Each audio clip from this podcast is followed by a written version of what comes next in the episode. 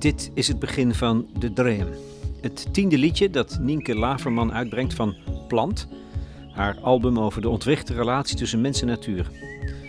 Vanwege corona is gekozen voor een slow album release. Elke maand wordt één liedje online uitgebracht, gekoppeld aan een podcast waarin ze in gesprek gaat met een gast die haar geïnspireerd heeft bij het creatieve proces.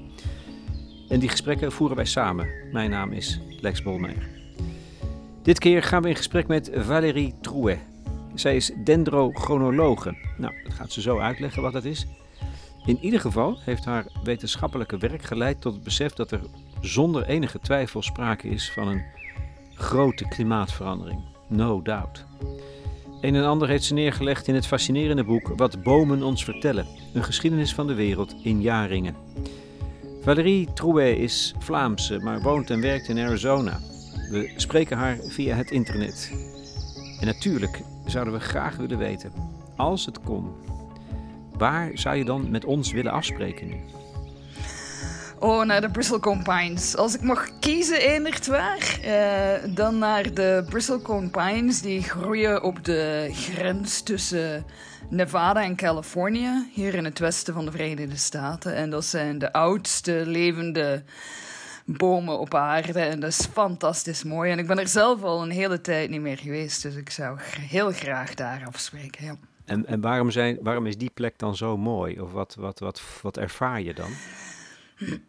Ja, dat is een heel. Um, in het Engels zeggen we een austere, een heel um, streng landschap. Um, heel droog en ook heel hoog gelegen. En daar groeit dus eigenlijk helemaal niet veel. Er groeien weinig grassen, geen struiken, geen andere boomsoorten. Alleen die echt letterlijk eeuwenoude bomen die er al, al 5000 jaar overleven.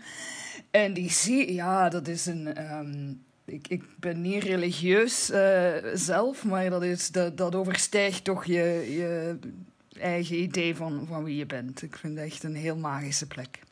Ja, want het is eigenlijk niet voorstelbaar, hè? Dat is eigenlijk het idee. Dat, je, dat, het, dat het een tijdsbesef is dat zo voorbij gaat aan de 60, 70, 80 jaar dat wij leven.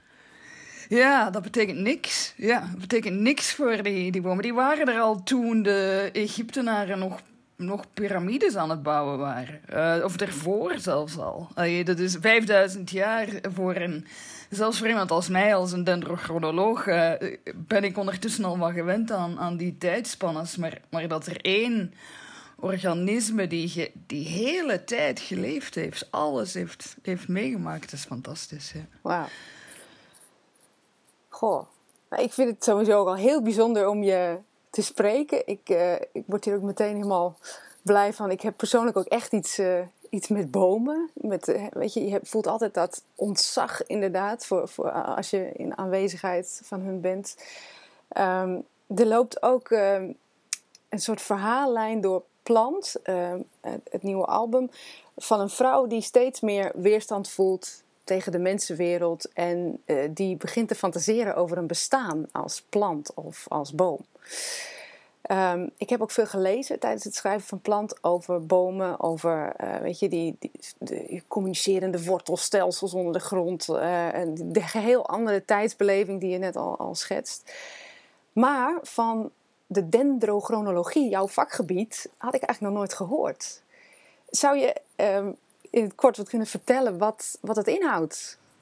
Het is enorm fascinerend, weet ik nu, nu ik je boek heb gelezen. Maar uh, hoe zou jij dat omschrijven? Ja, zeker. Uh, dus ja, ik ben dendrochronologe. Uh, dat woord komt uit, is eigenlijk afgeleid uit twee Griekse woorden. dendron, wat, wat boom betekent, en dan chronos, wat tijd betekent. En dus ja, wij bestuderen de tijd, de geschiedenis aan de hand van de ringen, de jaarlijkse ringen in bomen. En met de geschiedenis bedoel ik, ik mezelf, mijn eigen onderzoek is ge, um, gefocust op de geschiedenis van het klimaat. Uh, maar natuurlijk bekijken wij ook uh, de geschiedenis van uh, bossen en van ecologie, ecosystemen.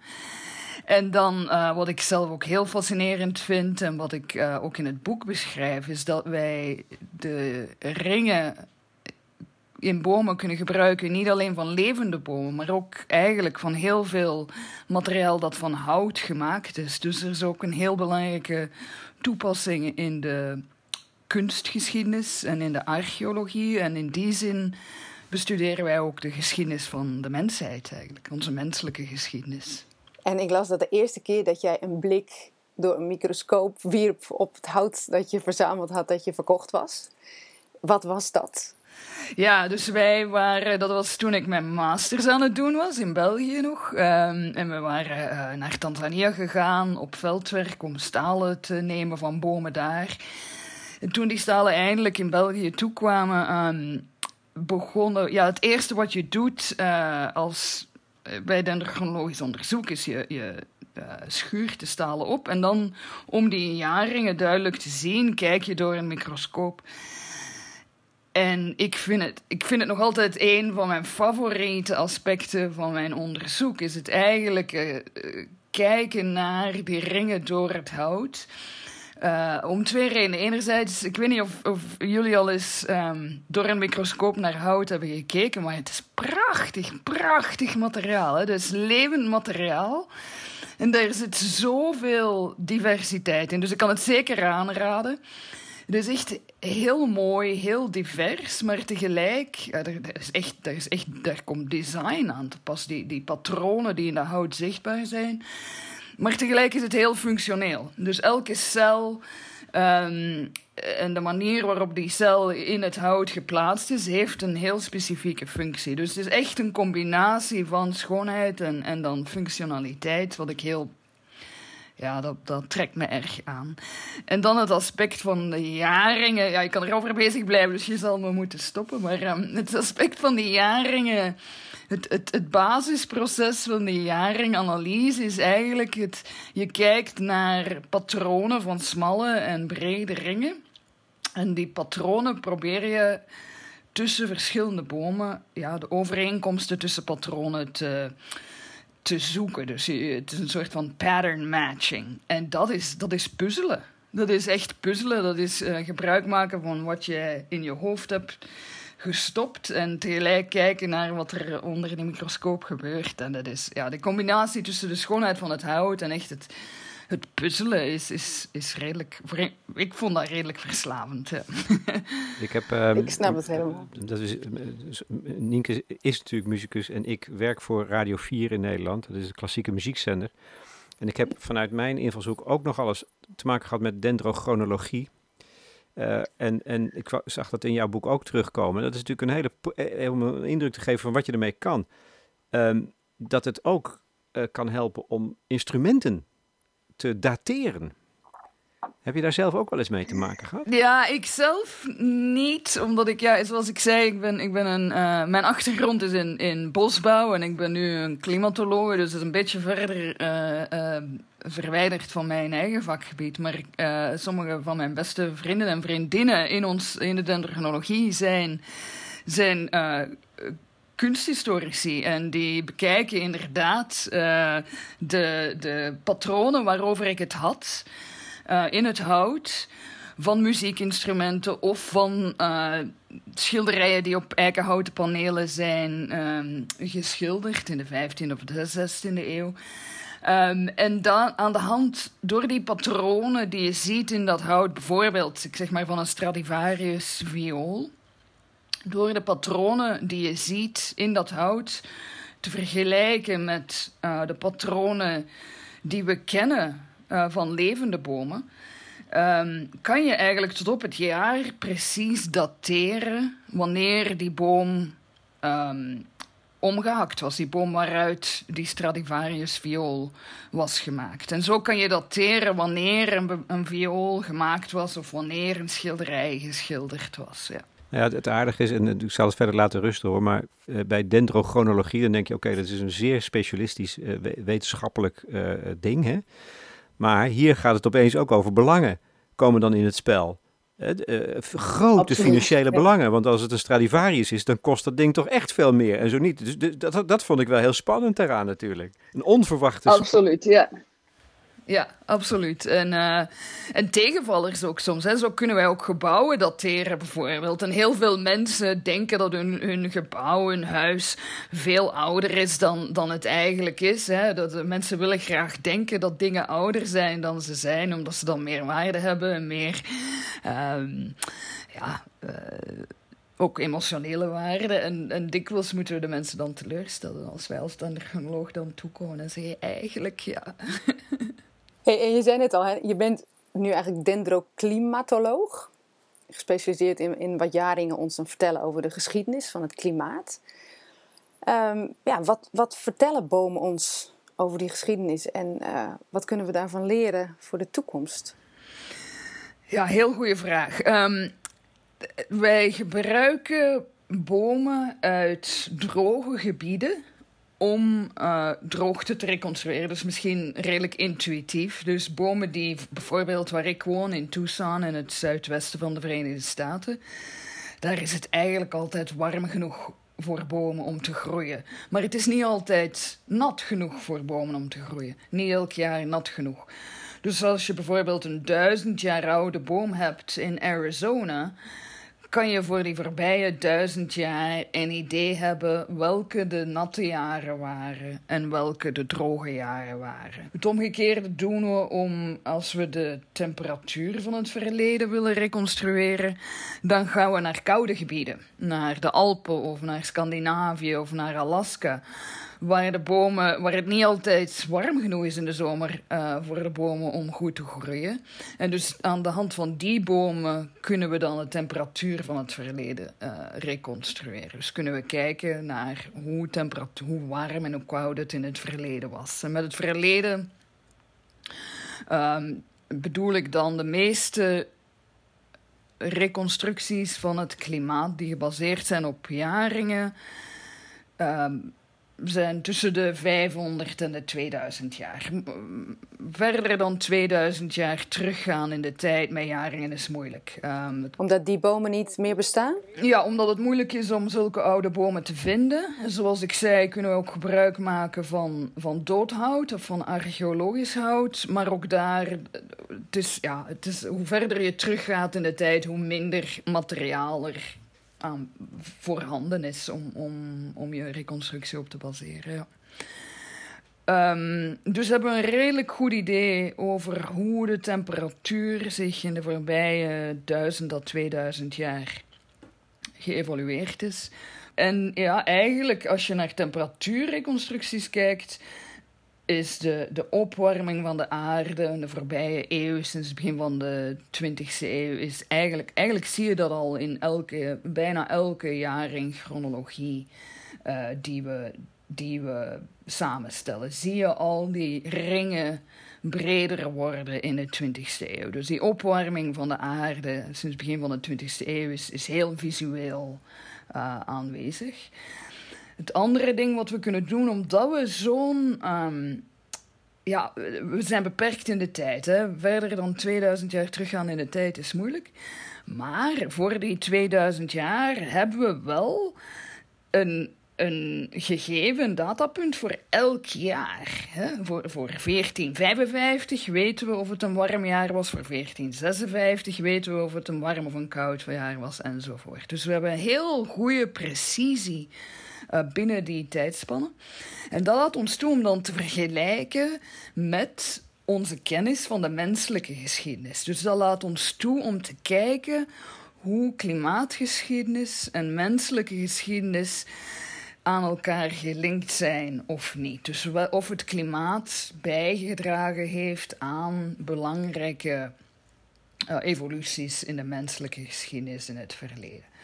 Zo weten we bijvoorbeeld dat in het zuidwesten uh, van de Verenigde Staten, waar ik woon, dat ja, ik ken het Nederlandse woord niet, de ancient Puebloans, dus de oorspronkelijke bevolking, daar in de, in de middeleeuwen um, uh, weggetrokken is, omdat het, omdat het veel te droog was, omdat er mega, mega droogtes waren. Zo weten we bijvoorbeeld ook dat de Maya dat bij de val van het Maya-rijkdom, dat ook daar klimaat en droogte een belangrijke rol heeft gespeeld. Dus, dus klimaat is, is zelden of nooit de enige factor die leidt tot dat soort ondergang of, of opbloei van, van uh, maatschappijen in het verleden. Maar het is duidelijk dat het dikwijls wel een rol speelt. En daar kunnen we dan, zoals je vroeg, uh, Ninke, naar de toekomst toe dingen uit afleiden. Dus wat wij zien is, eh, wat heel belangrijk is in, in, in de bepaling of een, een, een samenleving staat of valt onder klimaatverandering, is de, is de um, opbouw van die samenleving. De sociaal-economische structuur van de samenleving zelf is heel belangrijk. Als die sterk is, dan, dan kan je daar klimaatverandering tegenaan gooien en dan, en dan gaat dat niet zoveel effect hebben. Als aan de andere kant de sociaal-economische structuur, bijvoorbeeld uh, bij de Romeinen. Hè, de Romeinen hadden een heel um, top-heavy. Die hadden echt een 1%. Hè. Er waren de rijke Romeinen, die hadden, die, die hadden heel veel te zeggen en ze hadden een heel arme basis. Ja, als je daar dan klimaatverandering tegenaan gooit, dan is het moeilijk als maatschappij om daarmee om te gaan. Dat voorspelt niet veel goed voor ehm, ons. Ja. Dat voorspelt niet zoveel goed voor ons. Um, maar aan de andere kant zitten wij, is het ook, kan je ook niet zomaar onze huidige situatie vergelijken met die van het verleden. We, hebben, we hebben heel veel technologische uh, vooruitgang gemaakt, waardoor we ons beter kunnen beschermen uh, tegen veranderingen. En heel belangrijk um, is, we hebben, we hebben twee heel belangrijke voordelen tegenover de samenlevingen van het verleden. Eén, we weten dat die klimaatopwarming eraan komt dankzij de wetenschap weten we wat ons te wachten staat. We, niet iedereen, uh, sommigen willen dat nog ontkennen, maar, maar de, grote, de wetenschap weet dat dat, dat dat eraan komt. En ten tweede, we weten wat we eraan kunnen doen. We weten wat we moeten doen om te voorkomen dat die klimaatverandering uh, er komt. Dat zijn twee dingen die, die de samenleving in het verleden niet hadden. Uh, die wisten niet. Stel je voor dat we niet wisten dat die klimaatverandering eraan komt. En zelfs als we wisten dat ze eraan kwam, dat, we niet, dat het puur een natuurlijk fenomeen was. Dat er niks was wat we eraan kon, zouden kunnen doen. Dat is nog veel akeliger dan wat er ons nu te wachten staat. Want dat is wel altijd zo geweest, toch? Als je naar die 2000 jaar terugkijkt. Er is altijd klimaatverandering geweest. Er is ook zo nu en dan opwarming geweest. En er zijn ijstijden geweest. Maar dat waren een soort natuurlijke cycli. Er waren natuurlijke cycli, ja het grote verschil is dat dat nooit op een, uh, op een globale schaal was. Uh, dat was altijd een regionale. Regionaal werd het warmer op de ene plaats, werd het droger op de ene plaats uh, en natter op de andere plaats of kouder op de andere plaats. En dat is een groot verschil met nu. Um, ook de, de, um, de rate, hoe snel de opwarming momenteel aan het gebeuren is, is heel verschillend van vroeger. Dit, dit, deze soort. De, dus hoe stijl die opwarmingen nu gaan is, dat hebben we in de voorbije 2000 jaar nog, nog niet meegemaakt. Nee. ik las zelfs, uh, ik weet niet of dat waar is, maar in het boek van uh, wat Jelme Mommers geschreven heeft, hoe gaan we dit uitleggen, dat we met onze broeikasuitstoot zelfs een, een volgende ijstijd aan het tegenhouden zijn. Ja, dat klopt. Ja. Ja, de volgende ijstijd zou niet binnen de vijf jaar zijn of tien jaar zijn. Maar inderdaad, het, het, we zijn langzaam. Dus de ijstijden die, die hebben een cyclus van, van rond de um, ja, 100.000 jaar. Um, om de 100.000 jaar is er een ijstijd. En dus eigenlijk was onze temperatuur heel langzaam aan het afkoelen naar zo'n ijstijd toe, die dan binnen de 10.000 jaar of zo zou gebeuren. Maar ja, die hebben we nu helemaal omge omgekeerd. Ja. We zijn helemaal niet op weg naar een ijstijd, we zijn de andere richting aan het uitgaan. Ja, ja. Dat klopt. Ik vind het zo'n raar, onwerkelijk gevoel. Ook dat schets je nu ook over. Maar ik heb het zelf ook dat je denkt. Ja, um, nu heb ik echt het grootste luizenleven ooit, zeg maar. Het ontbeert mij en ons hier aan, aan niks.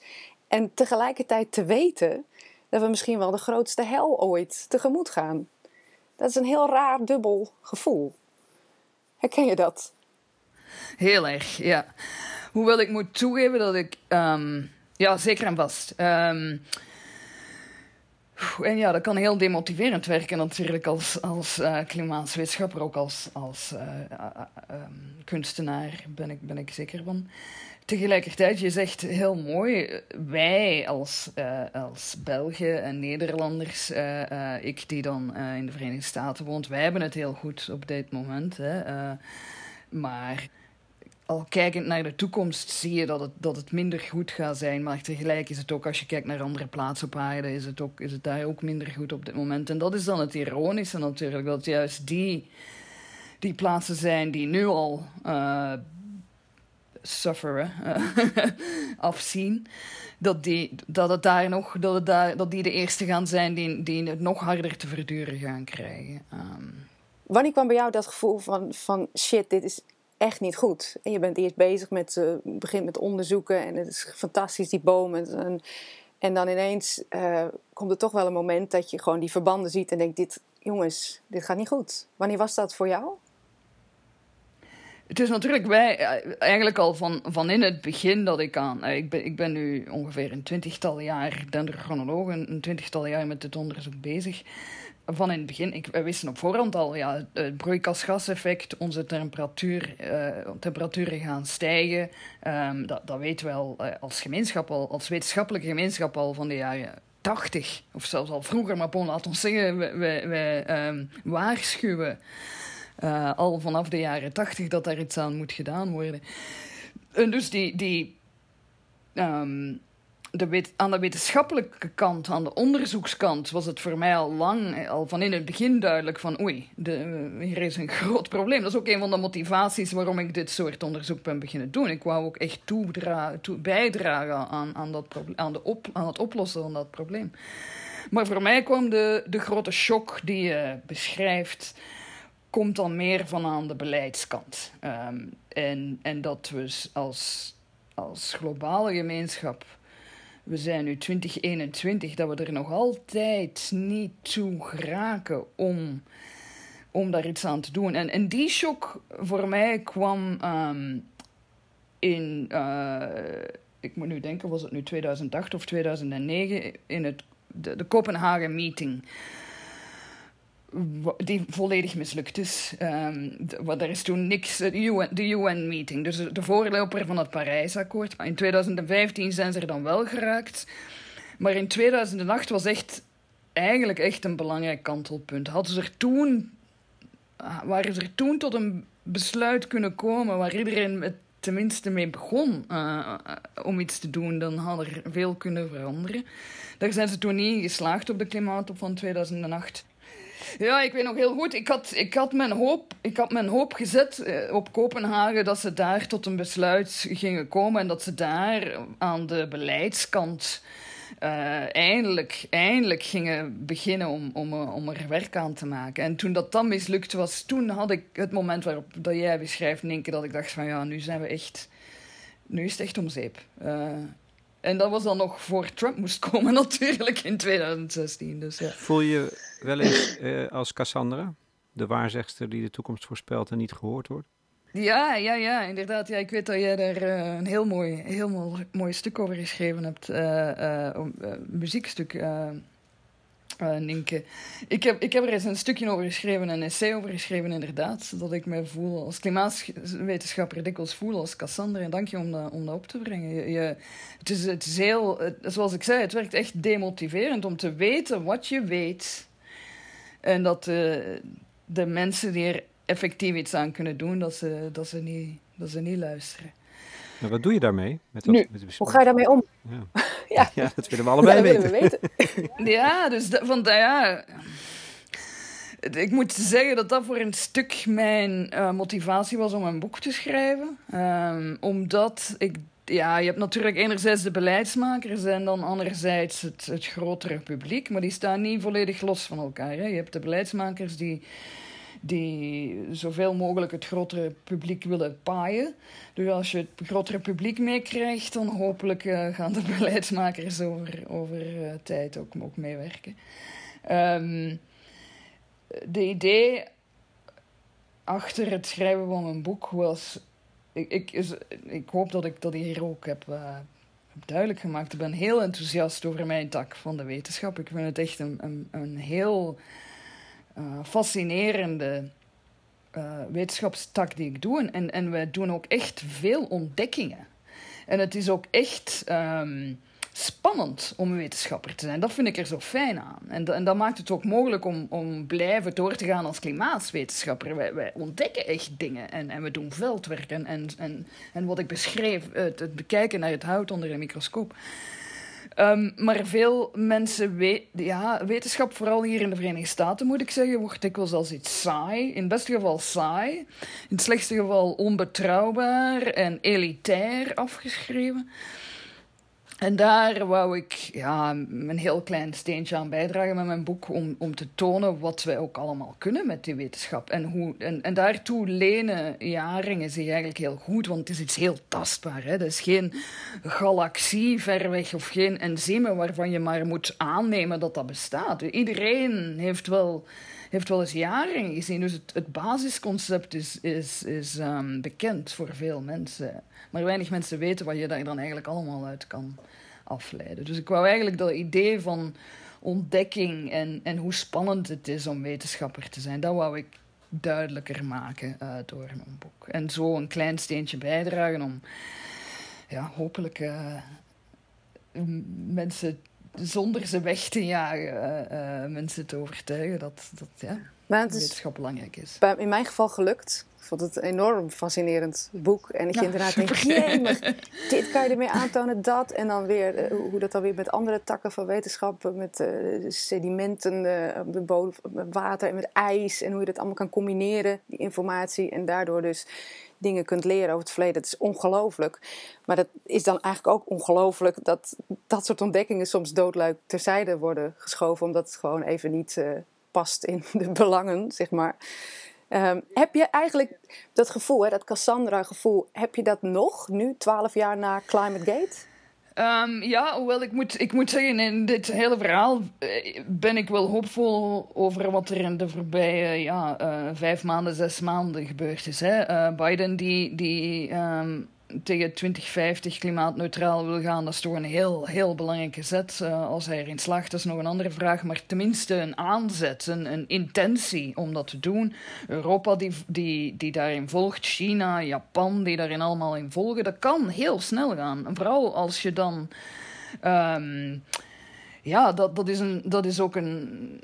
een um, beleidsverklaring naar de industrie toe en naar de, de ondernemers toe, die dan eigenlijk kunnen beginnen investeren in, in um, schonere energiebronnen. Ja, die, en, en, en in elektrische auto's en, en dat allemaal. Ik denk dat, er, dat het heel snel kan gaan als we willen. De omkeer naar een klimaatneutrale.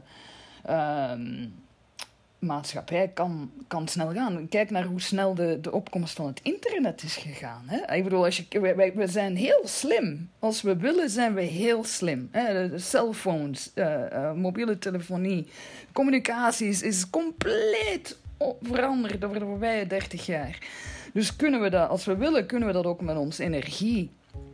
Uh, systeem doen. We hebben, we hebben getoond dat we dat kunnen. Als we dat met communicatie kunnen, kunnen we dat met energie ook. Maar het is een kwestie van, van het willen, van het willen te doen. En, en daar zijn nu toch wel sterke aanduidingen gegeven vanuit verschillende hoeken om, om, die, om de juiste richting uit te gaan.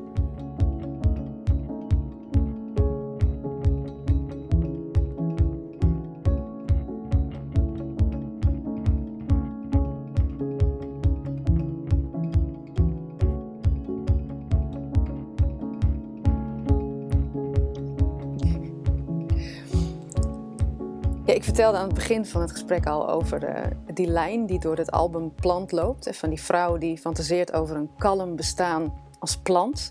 Weg van de hectiek en de belangen en weer volledig verbonden met de natuurlijke wereld. En die lijn die zit specifiek in de nummers uh, Betonblom, die al uit is, en in De Dream, die deze maand dan uitkomt en die ik jou heb gestuurd. Um, ik zou willen zeggen, ik zing een stukje, maar in dit geval spreek ik een stukje, want dit, nummer is uh, voornamelijk uh, spoken word. En het is in het Fries, uh, maar ik heb je een vertaling gestuurd. Oké, okay, daar komt ie. Ik zou die sissen vallen, dat ik hield dit vaker dream van hoe het leven wijze zoals ben. Als plant, als struik, als boeterblom. En dat ik net weet hoe het komt dat ik zo langs me viel, naar blete voeten in het drek die dolle, dolle naar de diepte, dat de wiermen zitten, dolle naar een libben koel en nieuw en oud. Dat tjennen wattel shitten mij het oppervlak verjitte litten, mij voor eens en altijd verbinnen, maar de vrouw. Dat ik naam wat ik nederig weer en maar het leven vrede hier.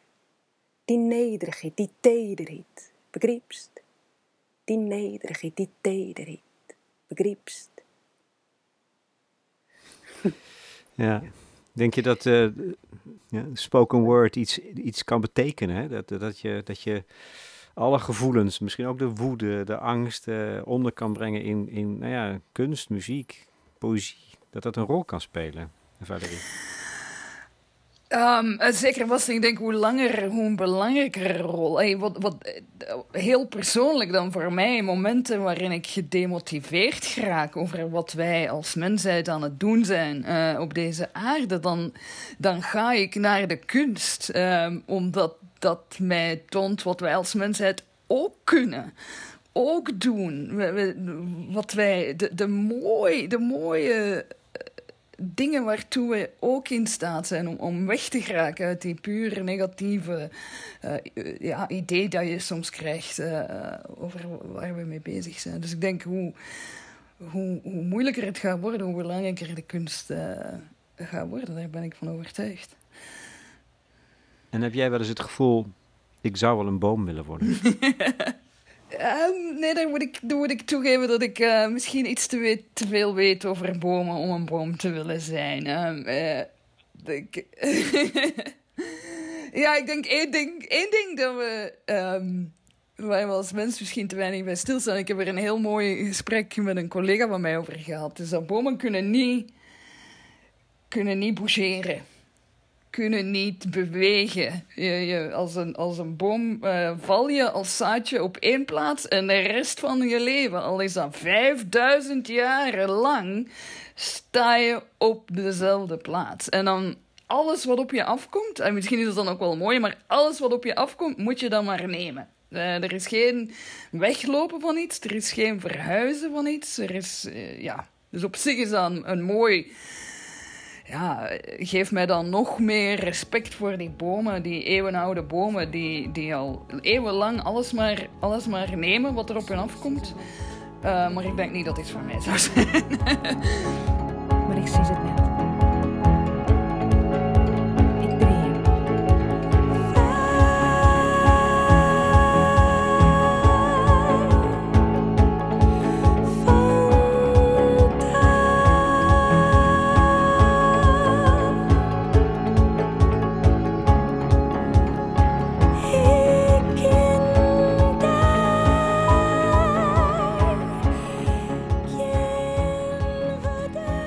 Zei ook al, het, het, um, het klimaat heeft dus deels onze geschiedenis bepaald, maar ook onze veerkracht en ons aanpassingsvermogen. Dus misschien uh, de vluchten op momenten dat het nodig is. En ik las in het boek ook, in Nederland uh, wist uh, bijvoorbeeld te profiteren van die kleine ijstijd in de middeleeuwen. Um, even specifiek over Nederland. Wat adviseer je ons nu um, hier, zeg maar? Alles op alles zetten om ons tegen overstromingen te wapenen of alvast uitkijken naar een andere plek? Oef. wat, wat is wijsheid? Ik denk dat dat juist het, het moeilijke is omdat hoe erg het gaat worden hangt af van hoe de wereld. Uh, ja, specifiek qua, qua zeespiegel stijgen. Ik heb een beetje moeite met dat woord. Maar uh, hoeveel het gaat stijgen hangt daarvan of we erin slagen als, als wereldgemeenschap om het probleem aan te pakken of niet. Of, of jullie in Nederland uh, genoeg gaan hebben aan het, aan het uh, verhogen van de dijken. Uh, of dat dat, of dat dat dan niet gaat weerstaan, dat is nu wat te vroeg om, om te zeggen, denk ik. Dus ja, dat is een, dat is een moeilijke. Um, ik, ik denk, ja, ik ben ook geen zeespiegelstijging expert. Dus ik denk dat er daar andere mensen zijn die daar uh, beter maar dus, dus, ja, dat is volledig aan. Ja, dat is de soort van. Wat ik wel kan zeggen, dat is het soort van beleids, moeilijke beleidsbeslissingen. waarvan ik en wij gehoopt hadden dat we, dat we het niet zo ver zouden hebben gebracht. dat we dat soort beslissingen, voor dat soort beslissingen zouden staan. Hè? Hadden we, het, hadden, we de, hadden we twintig jaar geleden begonnen met de klimaatproblematiek aan te pakken dan, dan waren we, hadden we misschien nooit op het punt gestaan waar we hadden moeten beslissen of, of wat gaan we doen. Uh, ja. um, Zit daar dan die hoop dat, dat, het, uh, dat in dat met z'n allen, eh, wereldwijd, dat is dus heel ingewikkeld, maar op één lijn komen en het met z'n allen aanpakken? Ja, ik denk dat, de enige, ik denk dat dat de enige manier gaat zijn hoor. Um, um, dat, ja, dat is de enige manier. Um, eh, maar de vraag is hoe... Ja, het is nu echt een kwestie van tijd. Hè? Op welk, op ja, sowieso wat er nu... Eh, sowieso omkeren gaat sowieso niet. Hè? De klimaatopwarming die al gebeurd is, die is gebeurd. Er zit ook al nog een, nog een zekere... Uh, het gaat nog warmer worden, sowieso. Zelfs als we nu, nu stoppen met, met alle uh, CO2-uitstoot. Um, dus de, maar de vraag is op welk moment gaan we het kunnen, ja, hoe, warm gaan we het laten worden? Dat is, dat, is, dat is de vraag. En daar hangt dan mee samen de, um, de vraag van, ja, en dus, en dus, dus niet alleen in Nederland natuurlijk, dus ook hier in de Verenigde Staten, in het Zuidoosten. Heel belangrijke vraag, wat doe je? En, en ik denk uiteindelijk gaat het uh, voor een groot stuk een, een economisch vraagstuk worden. Hè? En, een, en, geen wetenschapsvraagstuk, maar een economisch vraagstuk. De verzekeringen gaan erbij, uh, de verzekeringsmaatschappijen gaan er een heel belangrijke rol spelen. Als je hier nu in de Verenigde Staten, sommige, sommige plaatsen kan je geen verzekeringen meer krijgen om, om daar nog te bouwen. Ja, dan zijn het alleen de heel rijke mensen die, die ook zonder verzekering kunnen, die daar uh, gaan bouwen. En, en, ja, maar dat zijn heel belangrijke beleids, beleidsvragen. Wat doe je? Doe een managed, een, een, een um, ja, beheerde uh, terugtrek, zoals je zegt? Of, of volhard je dan toch in, in bepaalde plaatsen te blijven wonen? Hoop je wel eens op een crisis? Want hè, je ziet door de geschiedenis heen dat uh, en economische crisis, maar bijvoorbeeld ook corona, goed, goed zijn geweest voor de bossen. Ja, dat is natuurlijk ironisch, pijnlijk om vast te stellen, maar je kunt ook zeggen van ja, dit is, we, we hebben een, een nog veel grotere crisis nodig. Of tenminste, dat, is, dat, is pas, dat zal pas het moment zijn waarop het gaat gebeuren. Mm, nee, want het, het, het, ding met de crisis is... Eh, ten eerste hebben we er al een aantal gehad. Hè. De economische crisis in 2008, nu de coronacrisis. Hè. Dat is dan altijd een, een temporair uh, dipje in de CO2-uitstoot. En dan, en dan, en dan wordt het, komt het uh, eens zo hard terug ach, daarna. Um, het, het probleem met crisis is enerzijds een heel... Er zijn een heel aantal zaken. De crisissen. Um, ik, heb het er zelf moeilijk mee om. Ja, zoals je zei, het is ironisch hè, dat, dat het dan goed is voor de bossen dat onze CO2-uitstoot naar beneden gaat. Maar er zijn ook uh, in, in 500.000 mensen gestorven in, in, in, in, uh, in Brazilië alleen. Dus, dus dat soort. Dat, uh, ik vind het heel moeilijk om, om het over om het te zeggen van ah, dat was dan eigenlijk een, een goed iets uh, voor het klimaat als, er zo'n enorm lijden uh, aan te pas komt enerzijds. Ten tweede, uh, dat soort crisissituaties maakt ook, dat is een crisis dat is heel acuut, dat maakt dat we ons moeten concentreren op het oplossen van dat probleem. En dat we, dat we niet genoeg geld en, en, en mensen en, en aandacht hebben om tegelijk ook nog eens een langdurig klimaatprobleem aan te pakken. Op dat moment, als, als corona de wereld overvalt, moet die corona aangepakt worden. En dus gaat alle aandacht, en, en ook terecht, en, alle, en heel veel geld daar naartoe. Dus als je zo de ene crisis na de andere krijgt, ga je nooit eraan toekomen om dat langere termijnsprobleem uh, aan te passen. En dan het derde, het derde aspect is dat we ja, dat is iets wat wij in het verleden dachten. Hè? In, in de jaren 80, in de jaren 90, toen de klimaatopwarming nog iets van de toekomst was. Toen dachten we, oké, een keer dat het voelbaar gaat zijn, dan gaan we er wel iets aan beginnen doen. Maar in Tucson is het ondertussen al een week lang 45 graden. Hè? 45 graden Celsius. Meer dan een week. Maar denkt u dat er iemand iets aan doet? Nee, wij geraken eraan gewend aan die extreme. En zelfs in Nederland en België, ah, weer een heatwave. Ah ja, oké, we zijn eraan gewend dat er ondertussen heatwaves zijn. En dus doen we maar verder. Dus je geraakt er, we zijn, we zijn echt de, de, de kikkers in het kokend water. Hè? Ehm, het langzaam, het langzaam opwarmen voor je, en opeens is het dan, is het dan te laat. Sorry, ik ben eigenlijk niet zo heel positief bezig. nee, maar ja, het is wel zoals het is. Het is soms toch ook goed om weer even te laten doordringen. Denk ik. Om dan in ieder geval maar iets van die urgentie uh, uh, te blijven voelen. Ja, misschien wel, ja. Maar dus wens ik meer crisissen? Nee, ik denk dat dat sowieso geen, op, op geen enkel vlak een goede, een goede iets is. Ik ben benieuwd hoe het nu uh, in de VS is. De, de, de VS heb je natuurlijk die grote verdeeldheid. Zijn de geesten nog te verenigen, denk je, in de strijd tegen de klimaatverandering?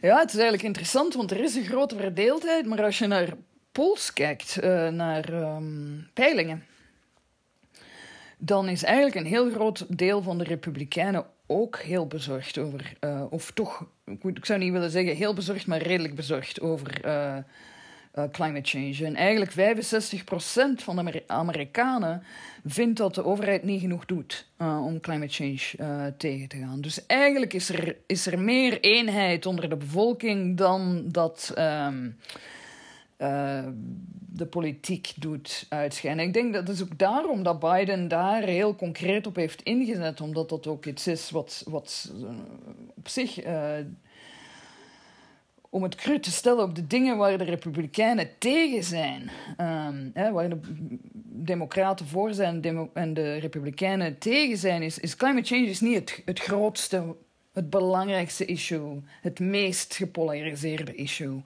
hier in de Verenigde Staten. Dus dat is iets waar hij, denk ik, wel op kan inzetten zonder. Ja.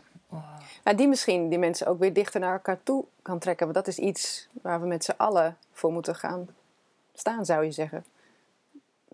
Ja, ik weet niet of dat, dat genoeg gaat zijn hier in de Verenigde Staten, maar op, in, theorie, in theorie wel. Ja. En, ik denk dat, en ik denk dat je daar een heel belangrijke uh, iets heel belangrijks gezegd hebt, Nink. Want dat is iets wat, als ik dan de Belgische politiek volg, en ik weet niet of het in Nederland gelijkaardig is, maar ik denk, tenminste in België wordt het klimaat uh, nog heel dikwijls over dezelfde boeg gegooid als biodiversiteit en natuur. En er wordt heel dikwijls in de. Um, in de ja.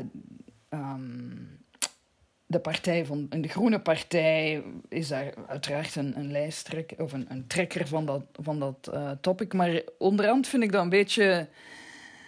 Uh, het klimaat is iets wat niet. Dat, ik, vind dat, ik vond dat het te veel wordt samengegooid met. En dat is misschien vreemd om komende van, van iemand die bomen bestudeert. Maar het wordt te veel samengegooid met de biodiversiteit en de natuur het klimaat is iets wat veel meer gaat beïnvloeden dan de biodiversiteit en de natuur. Het gaat elk van ons als mensen beïnvloeden. En dat die andere partijen daar niet ook op die, op die kar springen, niet ook op die, dat klimaatonderwerp uh, verder trekken, dat is iets wat ik.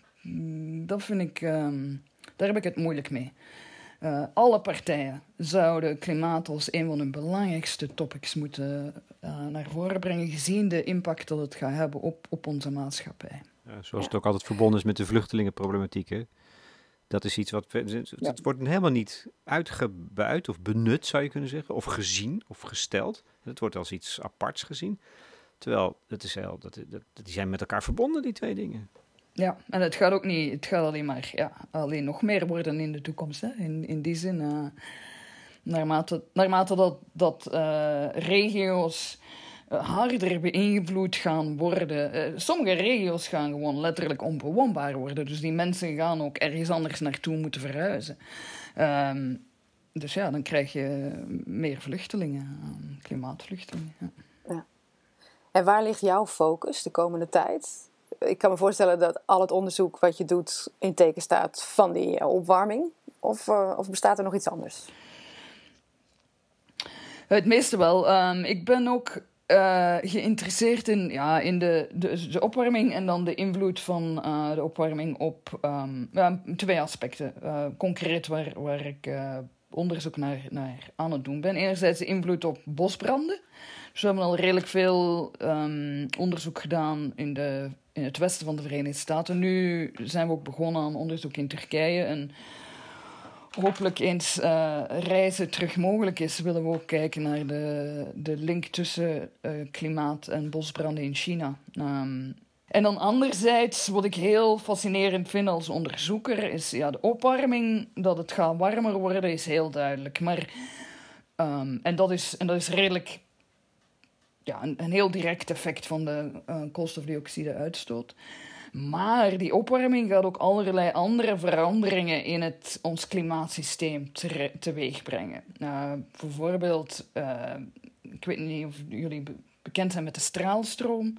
De straalstroom zijn de winden op heel hoge hoogte, op 10 kilometer boven het aardoppervlak, die voor een groot stuk orchestreren die, of bepalen die het klimaat aan het aardoppervlak. Dus die zijn, de straalstroom is heel belangrijk voor wat er aan het aardoppervlak gebeurt.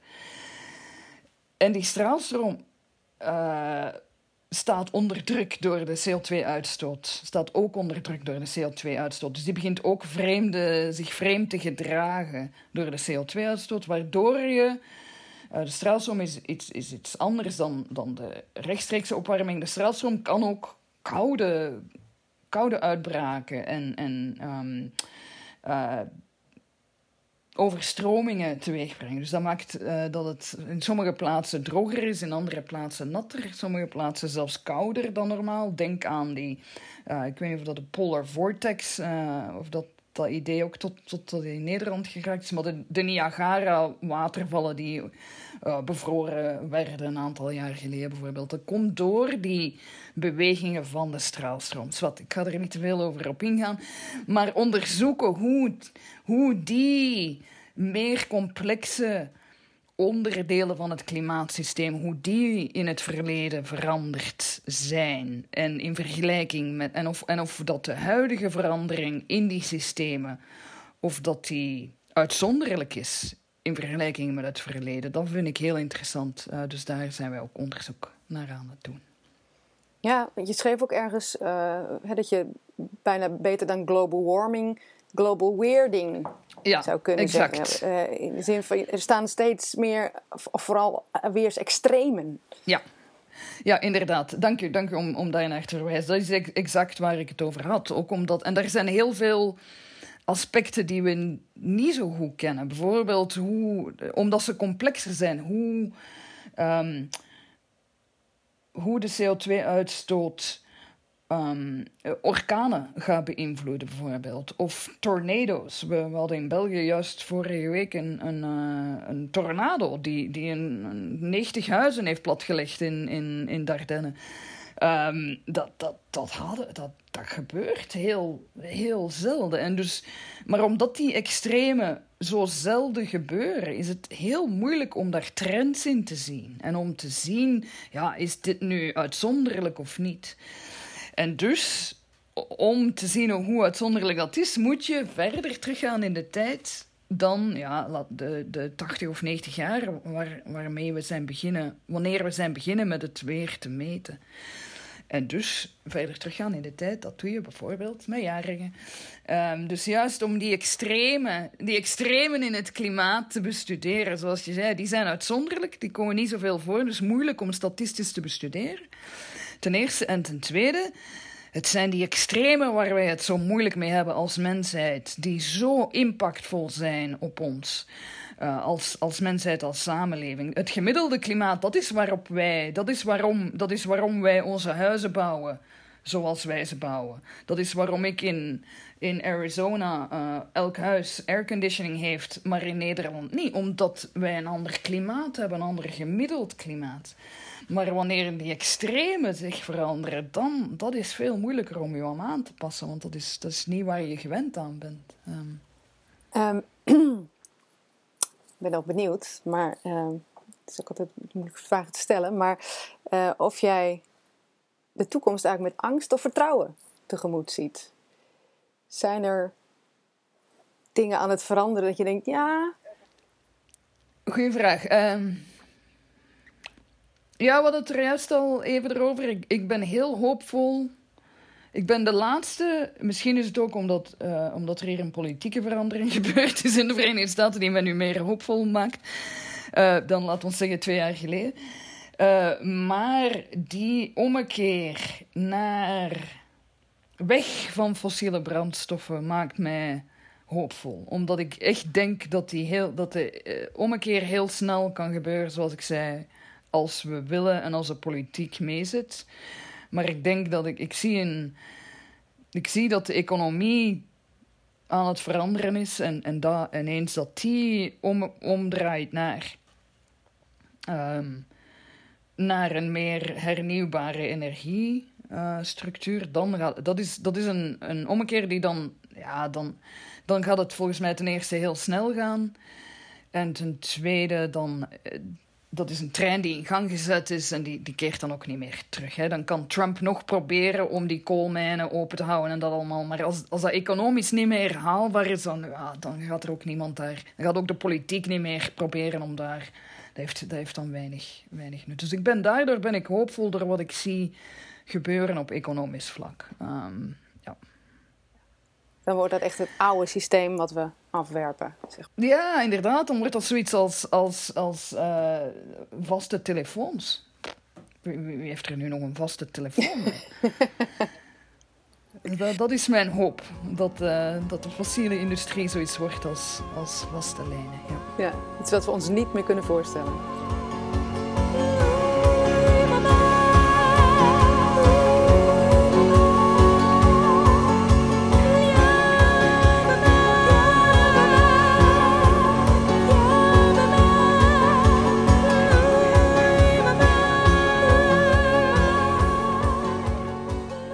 Bomen zijn uh, je onderzoeksobject. Zoek je nog wel eens gewoon het gezelschap? Zijn ze voor jou ook nog een soort gezelschap waar je troost bij kunt vinden? Hè? In, in alle Absoluut, eenvoud. Ja. Absoluut. Ja, um, in Tucson, uh, ja, als je. In Tucson moet je de bergen in om bomen tegen te komen. Hè? De natuurlijke vegetatie zijn, of, of op lager gelegen gebieden waar Tucson zelf ligt, is het, uh, zijn het cactussen. Uh, maar als je de bergen in rijdt, en dat is niet zo ver, dat is een half uurtje rijden. Als je de bergen in rijdt, dan kom je de bomen tegen. En, en als je de berg op rijdt, en dan kom je in de boomzone. En dan komt die geur van die, van die pijnbomen komt je tegemoet. En dat heeft onmiddellijk zo'n gevoel van... Ah, rust. Ja, het is um, zeker. Ik kan er zeker... Um, zeker een, een verschil maken tussen, of een onderscheid maken tussen mijn werk en, en uh, het genieten van, van bossen. Ik ben, ik ben niet echt een tree hugger. Het is niet dat ik individuele bomen echt uh,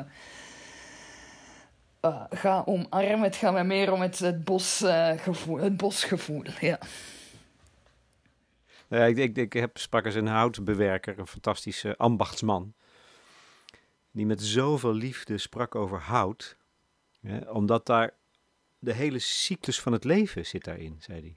Het heeft me toen zo ontroerd, dat ben ik nooit vergeten. Dat is iemand met die dagelijks het, nou ja, het hout door zijn handen laat gaan. Maar, maar, maar omdat hij weet dat dat bomen zijn en die ons adem hebben gegeven enzovoort enzovoort. Je kon dat hele proces zo beschrijven. Ja, misschien heb jij dat ook nog wel. Ja, en ik, ik, ik, zoals ik zei, ik vind hout fantastisch. En, en ook omdat door dat hout te bewerken, verleng je eigenlijk de, ja, niet echt de levenscyclus, maar, maar het voortbestaan van die boom. Hè? Als, als een, een balk van hout uit een middeleeuwse woning, dat is daar nog altijd. Hè? Die balk is er 500, die, die boom is dan al 500 jaar dood.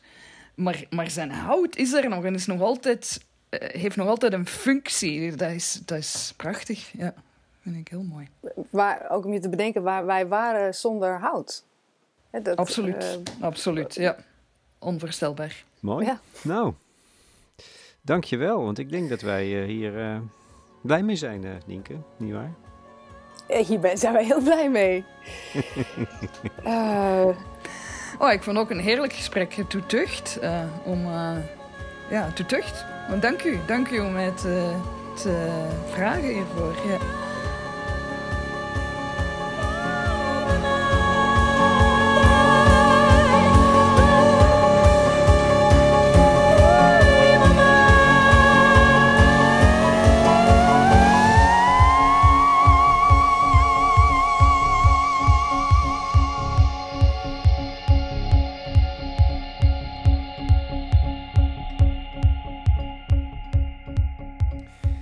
De Dream, geschreven door Nienke Laverman en Sietse Pruiksma. We spraken, naar aanleiding van het liedje, met Valérie Trouet, de schrijfster van het boek Wat bomen ons vertellen. Deze podcast werd gemaakt door Lex Bolmeijer en maakt onderdeel uit van het project Plant, over de ontwrichte relatie tussen mens en aarde. Op vrijdag 17 september, dan is het zover, de release van het album van Plant. Dus zowel op CD als op vinyl. En dat laatste is voor de liefhebbers.